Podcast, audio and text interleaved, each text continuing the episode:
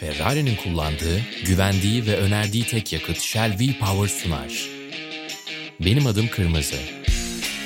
70 yılı aşkın inovasyon ortaklığından ilham alan 5 bölümlük bir podcast serisi.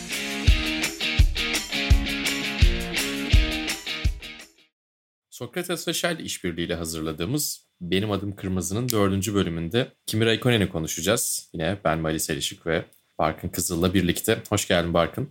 Hoş bulduk. Önce tabii Kimi Raikkonen'in hızlı Formula 1'e yükselişinden bahsetmek lazım. Çok hızlı bir şekilde kariyer basamaklarını geride bırakıyor ve bir anda kendini Formula 1'de buluyor. Biraz onu anlatalım istersen. Tabii yani bu anlamda zaten diğer sürücülerin çoğunda en azından ayrılan bir kariyer başlangıcı var Kimi Raikkonen'in. Sauber'le Formula 1 testine çıkmadan önce sadece 23 yarışa çıkmıştı alt serilerde Kimi Raikkonen ve bunların 13'ünü kazanmayı başardı. Bu anlamda yine doğal hızlı diye tabir ettiğimiz pilotlardan bir diğeri kendisi. Zaten kariyerinin sonuna kadar da canı istediğinde diyelim tırnak içinde o hızını her zaman gösterebilen bir sürücü olduğunu da biliyoruz. Hatta işte en hızlı turlarla ilgili de çok ciddi rekorları var. Örneğin Monza'da Formula 1 tarihinin en hızlı turu rekoru çok uzun süre boyunca kendisinde kalmıştı. Ama programımızın başında biraz onun Formula 1'den önceki motorsporları kariyerinin başlangıcı diyebileceğimiz bölümüne döneceğiz. 10 yaşında karting'e başlıyor Kimi Raikkonen ve Finlandiya dışındaki ilk yarışında 5 sene sonra 15 yaşında Monaco'da koşuyor. O yarışta enteresan bir olay geliyor başına. Direksiyonu kopuyor karting aracının ve start finish düzlüğünden geçerken de direksiyonu kaldırıp mekanikere doğru sallıyor. Çok Kimi Raikkonen bir hareket bu arada yani 15 yaşında da herhalde 40'ında neyse 15'inde de oymuş diyebiliriz gözün önüne çok rahat bir şekilde gelen bir hareket eğer Raikkonen'in kariyerini izlediyseniz. Bu arada Monaco'daki ikinci yarışında da bir kaza yapmış. Bariyerlerin arka tarafına gitmiş. Sonrasında karting aracını sırtlanıp kaldırıp işte tekrar yola koyup devam etmiş. Öyle de bir yarışma azmi var aslında kendisinin. Kariyerinin erken bölümündeki enteresan iki olaydan bir tanesi. ikisi de Monaco'da.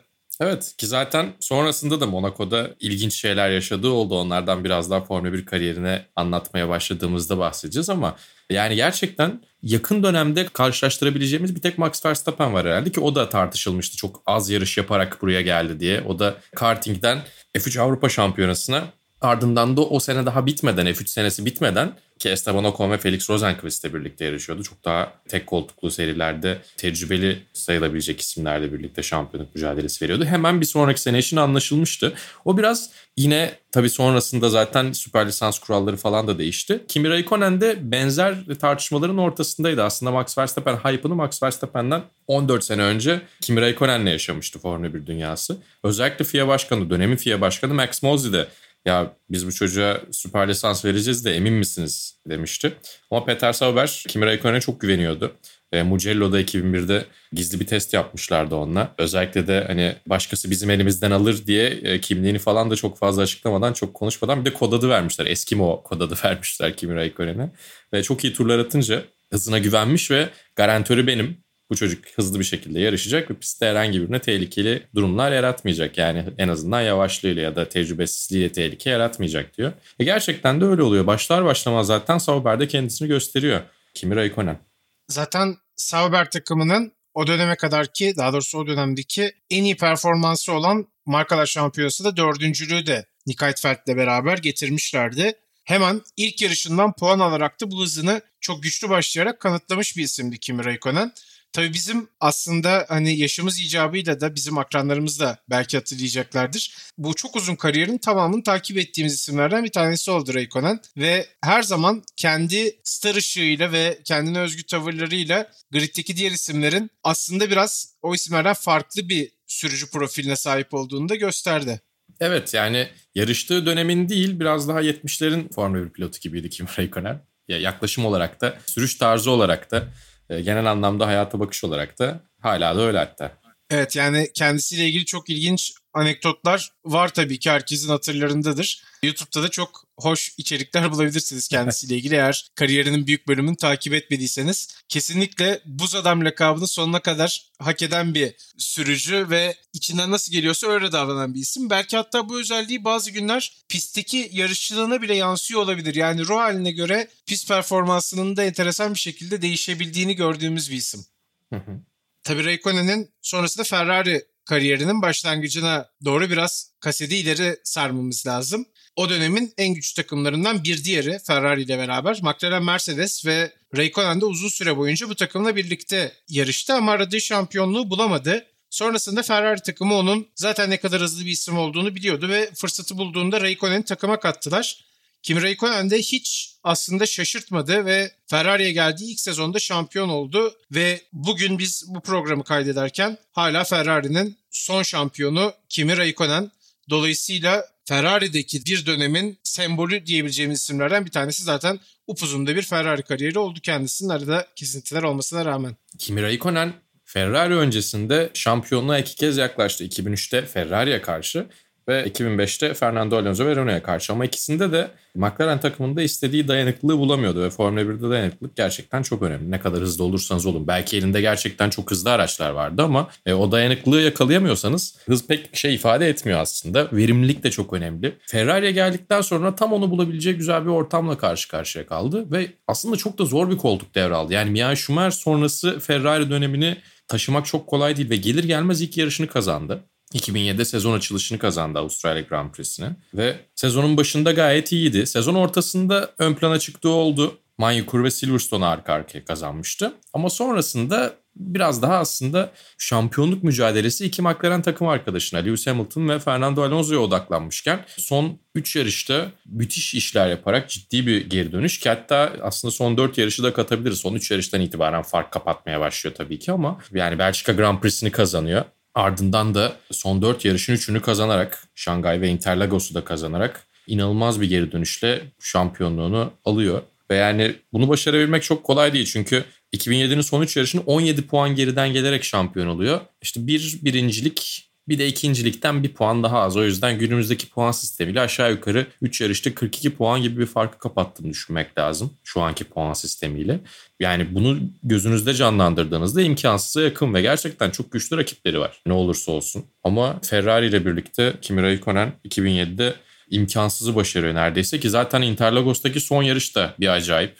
Yani öncesi de Şangay'da Lewis Hamilton'ın pite çok geç çağrılarak artık sol arka lastiği bitmişken e, o pit yolunu dönememesi ki o da zaten çok acayip bir pit yolu. Bir önceki yarışta Fernando Alonso'nun Fuji'de inanılmaz yağmurlu bir ortamda yarışı tamamlayamaması kaza yaparak. Yani o da zaten çok kaotik. Bunların hepsinden iyi puanlar çıkartıyor e, Kimi Raikkonen. O yarışta Alonso'dan puan çalıyor. Şangay'da Lewis Hamilton'dan puan çalıyor. Ve sonrasında Interlagos'ta da yalnızca bir puan farkla Fernando Alonso'yu ve Lewis Hamilton'ı geçiyor ki yarış içerisinde şampiyonluk 16-17 kere el değiştiriyor aşağı yukarı.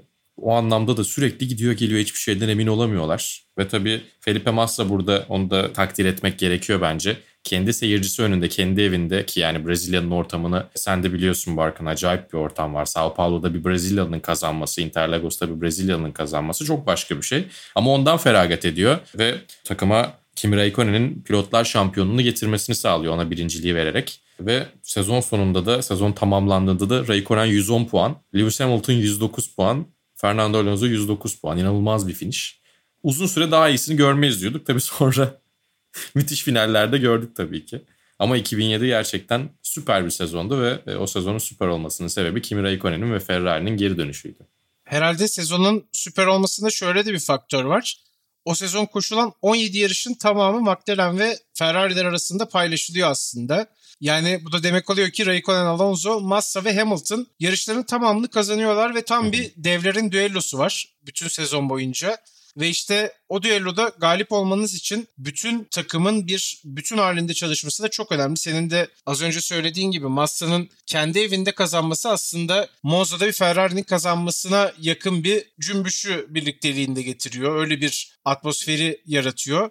Ama Massa gibi bir isimde işte takımı için bundan vazgeçip Ferrari'ye şampiyonluğu aslında bir anlamda daha sonra Raikkonen şampiyonluğu verebiliyor. Takım arkadaşlığını sonuna kadar çok doğru bir şekilde gerçekleştirmeyi başarıyor. Elbette her zaman konuşuyoruz konuşuyoruz. Motor sporlarında takım içi birliktelik ve birbirine destek olmak, her parçanın uyum içinde çalışması çok çok önemli. O sezon McLaren Mercedes de belki bunu sağlamış durumdaydı ama Ferrari'nin bu anlamda da bir adım önde olduğunu herhalde söylemek lazım. Sonuca da yansımış vaziyette.